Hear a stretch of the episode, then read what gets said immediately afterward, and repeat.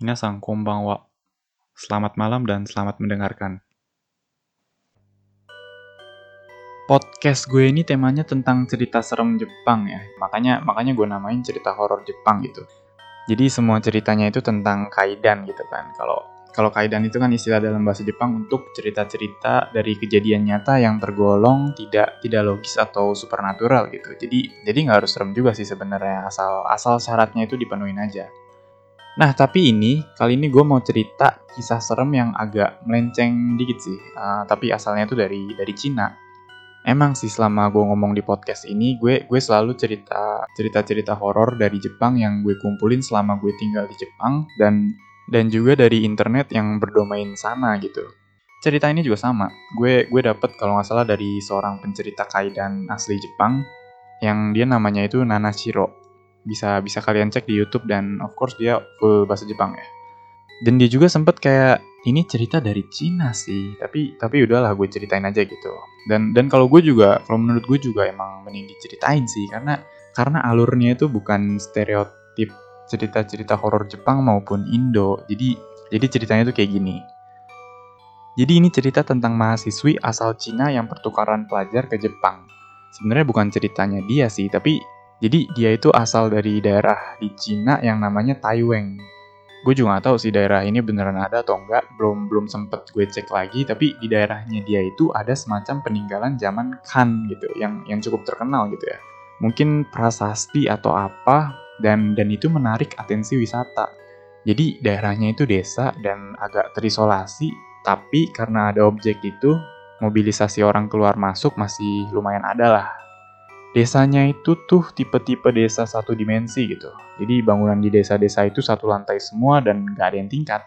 Nah di antara bangunan-bangunan perumahan yang satu lantai itu, ada satu bangunan tiga lantai yang dibangun di pinggir desa dengan dengan bangunan nuansa perkotaan yang dicat dengan warna oranye. Dan bangunan itu merupakan satu-satunya bangunan tertinggi yang dibangun di desa itu. Bangunan itu dibangun dengan tujuan akomodasi para wisatawan yang mampir ke objek wisata itu. Jadi, jadi itu hotel ya. Dan dan karena besar dan mencolok, jadinya satu desa tahu. Tahu ini itulah tentang hotelnya itu, termasuk si mahasiswi pertukarannya itu. Oh ya, nama mahasiswinya itu Wang ya. Wang Wang apalah gitu. Dan cerita ini diambil dari cerita kejadian di hotel itu. Waktu itu sebelum si, si Wang ini lahir, katanya di hotel itu ada tiga orang keluarga yang ngelakuin reservasi kamar. Keluarganya itu bapak, ibu, sama anak kecil, anak anak laki-laki satu. Waktu itu mereka sampai ke hotel di, di sekitar pukul 4 sore, mereka check in terus mereka diantar ke kamar bookingan mereka itu sama sama staff hotelnya kamar yang disediain buat mereka itu kamar lantai 3, nomor 303. Jadi layout hotelnya itu tiga lantai, terus di setiap lantainya itu ada empat kamar. Jadi 4 kali 3 total ada 12 kamar di hotel itu. Emang hotel kecil sih, cuman cuman buat kayak nampung wisatawan yang tiba-tiba nggak bisa pulang aja gitu. Besokan siangnya, waktu udah jam 12 dan itu waktu buat check out tamu-tamunya, tamu-tamu hotel itu di antara tamu-tamunya yang harus check out hari itu, keluarga kemarin yang yang bertiga itu nggak muncul-muncul. Mereka nggak turun ke bawah buat check out sampai beberapa jam gitu, ditungguin. Mereka kemarin booking perasaan tuh cuma buat satu malam. Apa apa mereka kelupaan harus check out gitu kan? Karena resepsionis hotel tuh dipegang sama ownernya, akhirnya dia naik ke atas buat ngingetin keluarganya itu. Di depan kamar 304, ownernya bilang kayak, Selamat siang, maaf mau ngingetin kalau sekarang udah waktunya check out. Gak lama, dari dalam kamar ada suara laki-laki. Bapaknya, ngomong dari balik pintu. Maaf, anak saya semalam tiba-tiba demam. Hari ini belum juga turun panasnya. Saya mau istirahatkan anak saya dulu. Kalau nggak keberatan, boleh saya minta tambah semalam.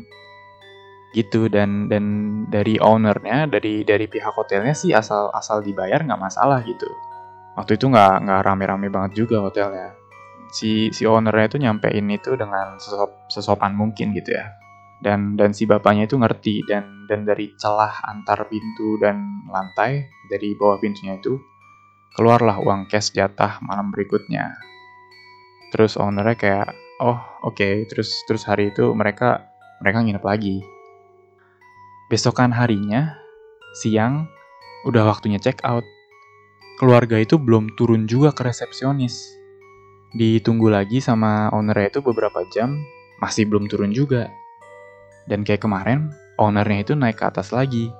Di depan kamar 304, dia bilang, Selamat siang, maaf udah waktunya check out. Dan gak lama dari dalam, bapaknya jawab dari balik pintu. Maaf, anak saya ternyata belum turun demamnya. Saya masih mengusahakan. Kalau nggak keberatan, boleh tambah semalam lagi. Dan dan hari itu juga sama. Dari dari bawah, dari sela-sela antara pintu dan lantai, ada uang cash keluar buat buat jatah malam berikutnya. Ya udah diambil sama ownernya dan hari itu mereka nginep lagi. Besokan harinya, siang hari udah waktunya check out, keluarga itu belum turun juga ke resepsionis buat check out. Udah tiga hari mereka kayak gini terus. Lagi-lagi ownernya naik ke atas dan di depan kamar 304 dia bilang, Selamat siang, maaf udah waktunya check out. Gitu, terus terus ditunggu dan dan gak lama dari dalam ada suara bapaknya lagi. Dia ngomong, Maaf, ternyata demam anak saya masih belum turun. Kalau nggak keberatan, boleh tambah semalam lagi. Bapaknya minta tambah nginep semalam lagi dan dan ownernya mulai khawatir. Iyalah soalnya soalnya udah tiga hari anaknya itu demam dan nggak turun-turun. Ownernya itu dengan dengan niat ngebantu dia bilang di desa kami tidak ada rumah sakit pak, tapi bisa kami panggilkan dari desa sebelah jika bapak mau. Dan dijawablah sama bapaknya, oh oh tidak usah tidak usah tidak apa-apa. Saya saya kira kalau sudah besok anak saya akan membaik kondisinya. Akhirnya seperti akhirnya seperti hari-hari sebelumnya dari bawah pintu keluar uang cash jatah malam berikutnya dan dan ownernya nerima uang itu. Dan besokan harinya lagi, waktu jam check out, pasti mereka belum turun. Selalu ownernya naik dan si bapaknya itu beralasan yang sama. Anak saya masih demam. Tolong tambah semalam lagi. Dan keluarga itu terus kayak gitu sampai dihitung-hitung udah udah seminggu mereka kayak gitu. Di di hari ke-8, di waktu check out, ownernya naik lagi, datengin kamar 304. Dia bilang ke keluarga itu, maaf udah waktunya check out, gitu sama kayak hari-hari sebelumnya. Gue rasa ownernya termasuk yang cukup sabar gitu ya. Dan lagi-lagi, bapaknya jawab dari balik pintu, maaf sebenarnya anak saya masih demam dan belum sembuh-sembuh. Untuk masalah pembayaran, uang tunai kami sudah habis, tetapi kami janji untuk melakukan pembayaran secepatnya setelah kami keluar. Gitu kata bapaknya ownernya di sini bukan masalahin pembayarannya lagi sih. Cuman cuman kali ini ownernya udah lumayan curiga sama keluarga itu. Karena semenjak mereka nginep di kamar itu, pegawai hotel nggak ada satu orang pun yang lihat mereka keluar dari kamar itu. Ownernya juga cuman dengar suara laki-laki dewasa yang yang dia rasa itu bapaknya. Dan jadi jadi mana ibunya, mana mana anaknya gitu. Ownernya itu udah terlalu penasaran dan dan at least at least nih ya dia dia pengen lihat lah kondisi kamarnya itu gimana kondisi ruangan di dalamnya itu gimana. Ya udah dengan gaya bicaranya yang sopan, ownernya itu bilang, baik pak, kita nggak apa-apa kalau mau nambah satu malam lagi. Tapi boleh kita cek dulu kondisi kamarnya. Mungkin kamar bapak butuh dirapihkan dan diganti spraynya. Nanti akan saya panggilkan staf hotel. Terus dari dalam bapaknya bilang, jangan, jangan, jangan masuk, nggak apa-apa, nggak apa-apa. Kita kita baik-baik aja kok. Nanti nanti takutnya penyakit anak saya nular gitu. Kata bapaknya kayak gitu sambil sambil kalau menurut si ownernya itu agak agak tergesa-gesa gitu pikir pikir dia. Tapi dia si ownernya itu masih penasaran. Penasarannya makan bahkan makin jadi gitu. Seenggaknya seenggaknya dia bisa ngelihat kondisi kamarnya aja gitu. Itu itu bagi dia udah cukup. Ownernya dia turunin badan Terus dia kayak posisi merangkak. Dia coba lihat isi ruangan lewat celah pintu sama lantai yang yang tempat keluar cash itu. Dan dia dia coba itu waktu waktu dia mau coba ngintip gitu ya. Dia udah udah di posisi ngerangkak. Dia mencoba ngintip. Tiba-tiba di situ dia dengar suara perempuan bilang, "Pak, tolong kami, Pak." Nah, di situ dia putusin kalau emang di dalam ada yang nggak beres. Dia dia bulatin tekad buat masuk dia dia ambil master key dari sakunya dibuka pintu kamar itu kayak permisi pak terus Greg dibuka pintunya pintunya kebuka langsung langsung dia masuk walaupun rada rada ngedobrak gitu ya pertama kali dia masuk ke kamarnya yang dia lihat itu pemandangan kamar yang udah berlimang darah darah darah pokoknya darah tuh ada di sana sini. Ada ada di ada di dinding di di meja di kursi di dan dan di kasur sama karpetnya itu udah udah ber, berubah warna gitu. Udah ber, berwarna merah total karena banjir darah. Terus di sana sini ruangan dia lihat ada banyak benda-benda berserakan. Dan kalau dia lihat lebih jelas lagi itu potongan tubuh manusia. Kayak kayak kepala perempuan badan badan anak-anak kaki kaki perempuan dan dan banyak gitu. Otomatis otomatis di sini ownernya ini ngerasa ngerasa mual ya. Dia dia nggak tahan sama pemandangan dan dan bau ruangannya itu. Dia dia lihat juga kalau di pojok ruangan itu ada si bapaknya. Lagi lagi berdiri gemeteran di di pojok ruangan. Bapaknya itu diem aja. Nggak nggak lari nggak ngelawan atau nyangkal gitu nggak. Dia dia diem aja di pojok sambil kayak gemeteran ketakutan. Habis itu polisi datang dipanggil sama ownernya polisi datang buat olah TKP. Waktu itu waktu itu singkatnya bapaknya itu dijadiin tersangka karena pembunuhan anak istri terencana. Dan bapaknya itu dipasangin borgol gitu, dia dia dibawa ke kantor polisi. Kejadian itu sempat ngebuat beberapa hari hotel tuh nggak beroperasi karena karena dipasang polis lain gitu ya. Dan setelah itu ya udah udah selesai, udah udah ber, sekitar beberapa bulan garis polisi juga udah dilepas, hotel itu beroperasi normal lagi. Dan dan hari-hari seperti biasa itu di hotel itu udah udah mulai jalan lagi. Sampai sampai suatu hari si si ownernya ini dapat telepon dari polisi yang megang kasus pembunuhan keluarga di hotelnya dia itu. Mungkin mungkin polisi itu butuh informasi tambahan atau apa, jadi ownernya jawab-jawab pertanyaan dari polisinya itu habis ownernya itu udah jawab jawab jawab pertanyaan yang dikasih polisinya. Sekarang giliran giliran dia nanya balik ke polisinya sebenarnya ada apa sih yang terjadi gitu di di kamar 304 itu? Akhirnya si polisi itu ngasih tahu semuanya. Mulai dari motif kronologi sampai psikologis si bapaknya itu.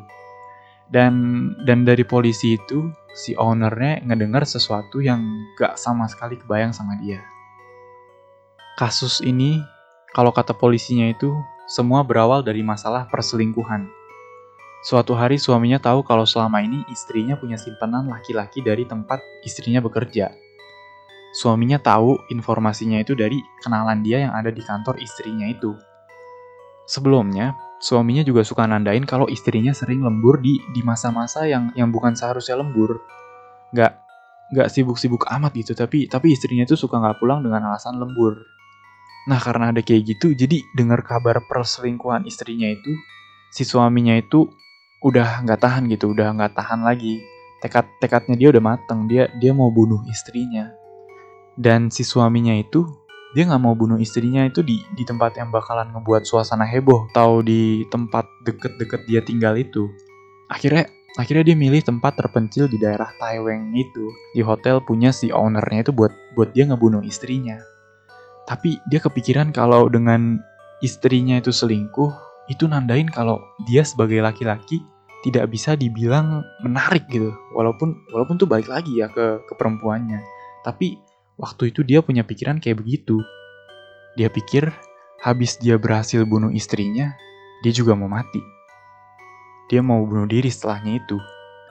Tapi setelah itu, anak putranya yang masih kecil dia bakalan ditinggal kedua orang tuanya dan hidup sebagai anak yatim piatu. Seenggaknya si bapaknya itu nggak mau hal kayak gitu terjadi. Dia dia mutusin buat ngelibatin anaknya itu dalam pembunuhan istrinya itu. Jadi satu keluarga mati gitu. Itu itu rencananya dia. Di hari H, mereka check-in ke hotel itu. Mereka dikasih kunci, masuk kamar dan dan bapaknya keluar bentar dari dari kamar buat cari makan. Balik-balik ke kamar, dia lihat istri sama anaknya lagi main berdua. Ketawa-ketawa bercanda gitu. Dan dan di kepalanya dia, ini perempuan kenapa masih bisa ketawa-ketawa sama anak kecil? Padahal selama ini dia nidurin laki-laki lain waktu dia udah jadi ibu. Seketika di situ dia nggak tahan sama apa yang dia lihat. Dia langsung ambil pisau yang udah disiapin, dia bunuh istrinya. Lanjut, dia bunuh anaknya juga mereka berdua tewas saat itu dan dan sekarang tinggal dia sendiri yang harus mati. Tinggal dia bunuh diri dan urusan selesai gitu. Tapi kalau udah datang waktunya untuk bunuh diri atau tahu kita bakalan mati, rasa keberanian untuk itu agak agak susah keluar ya. Dan dan dia ragu-ragu begitu, gak kerasa hari udah malam. Ketiduran dia. Waktu dia tidur, di mimpinya dia, dia itu lagi lari. Lari dikejar sama sesuatu. Dia lihat ke belakang, anak sama istrinya yang udah mati, ngejar dia dengan kondisi fisik mereka yang udah pucat. Mereka bilang, Ayo ikut kita, ayo ikut kita, kapan mau nyusul kita? Dan si bapaknya ini, dia kebangun. Pertama kali habis dia kebangun, dia mikir, gak bisa ini, mereka belum mati, mereka masih hidup. Buat mastiin mereka mati, si bapaknya ini motong leher anak sama istrinya. Dia potong buat mastiin kalau anak sama istrinya ini, kali ini mereka benar-benar mati. Gitu menurut dia. Sekarang tinggal tinggal dia yang mati. Tapi lagi-lagi kalau udah waktunya, keberaniannya itu susah buat muncul. Susah banget itu buat buat ngakhirin hidup sendiri itu susah banget. Dan dan hari itu juga nggak kerasa tiba-tiba udah malam. Lagi-lagi dia ketiduran. Di dalam tidurnya itu dia lagi diem berdiri, berdiri tegak sampai sampai ada dua orang yang ngedeket ke arah dia Dua orang itu makin deket dan dan mereka berdua tanpa kepala. Tiba-tiba mereka berdua lari ke arah sini sambil megang kepalanya di depan dadanya dan bilang, Ayo ikut kita, ayo ikut kita, kapan mau nyusul kita? Dan dia kebangun lagi. Lagi-lagi istri sama anaknya itu ngejar dia. Gak bisa ini, mereka mereka masih ngejar. Kalau gini terus gimana? Mau mati? Mereka bakalan terus ngejar sampai kapan pun. Waktu itu waktu itu kondisi badan si suaminya itu udah grobios gitu basah sama sama air keringet. Wajahnya juga nggak terlalu segar karena karena beberapa hari tidurnya itu keganggu. Dan dan sekarang dia semakin takut untuk bunuh diri. Bahkan bahkan dia takut kalau dia ketiduran lagi. Dengan sisa akal berpikirnya dia dia kepikiran gimana kalau mayat istri sama anaknya itu tangan sama kakinya dia potong dengan itu, seenggaknya mereka nggak bisa ngejar kalau dia kalau dia jelek-jeleknya dia ketiduran lagi. Akhirnya dia pisahin kaki sama tangannya itu dari badan mereka. Dan malam itu dia berdiri di depan wastafel buat jaga-jaga kalau dia ngantuk, dia mau langsung basuh muka. Dan dan mungkin udah nggak kuat dia, akhirnya akhirnya dia ketiduran lagi. Di dalam tidurnya itu, dia mimpi. Mimpi dia kali ini, dia lagi berjalan santai nggak tahu arahnya ke mana. Dia lagi jalan, dari kejauhan dia lihat ada benda ngegelinding ke arah dia. Makin lama makin banyak benda yang ngegelinding itu. Ngegelinding ke arah dia. Makin deket dia lihat, itu potongan tubuh anak sama istrinya. Ngegelinding ke arah dia sambil ngeluarin suara, Ayo ikut kita, ayo ikut kita, kapan mau nyusul kita? Dan dia kebangun dan di hari dia kebangun dari mimpi potongan tubuh itu, si ownernya itu masuk ke kamar dia dengan master key dan dan mengirim dianya itu ke polisi. Jadi jadi kira-kira kayak gitu gambaran apa yang terjadi sebenarnya di, di kamar hotel itu menurut menurut penyelidikan dari pihak polisinya. Ownernya bener-bener cuma bisa mangguk-mangguk gitu dia dia dengerinnya. Dan semenjak kejadian itu, hotelnya masih beroperasi seperti biasa. Mereka dari dari pihak hotelnya juga nggak nutup kamar 304 itu sebagai sebagai apa itu sebagai kamar bekas kejadian gitu enggak enggak mereka tutup tapi tapi mereka mendekor ulang keseluruhan tata ruangan kamar itu dan dan mereka ganti tuh semua perabotannya dengan yang benar-benar baru gitu. Cuman setelah hotel itu beroperasi normal, selalu ada komplain yang sama dari pengunjung hotel yang ditempatin di kamar 304. Mereka yang bermalam di situ ngeliat mimpi ada potongan tubuh yang terus mengejar mereka sambil bilang, Ayo ikut kita, ayo ikut kita, kapan mau nyusul kita? Dan dan itu nggak cuma sehari, berhari-hari gitu mereka mimpin kayak gitu. Karena ada komplain yang sama dari setiap pelanggan yang nginep di kamar itu, akhirnya kamar itu di, diisolasi total dan nggak boleh dipakai lagi.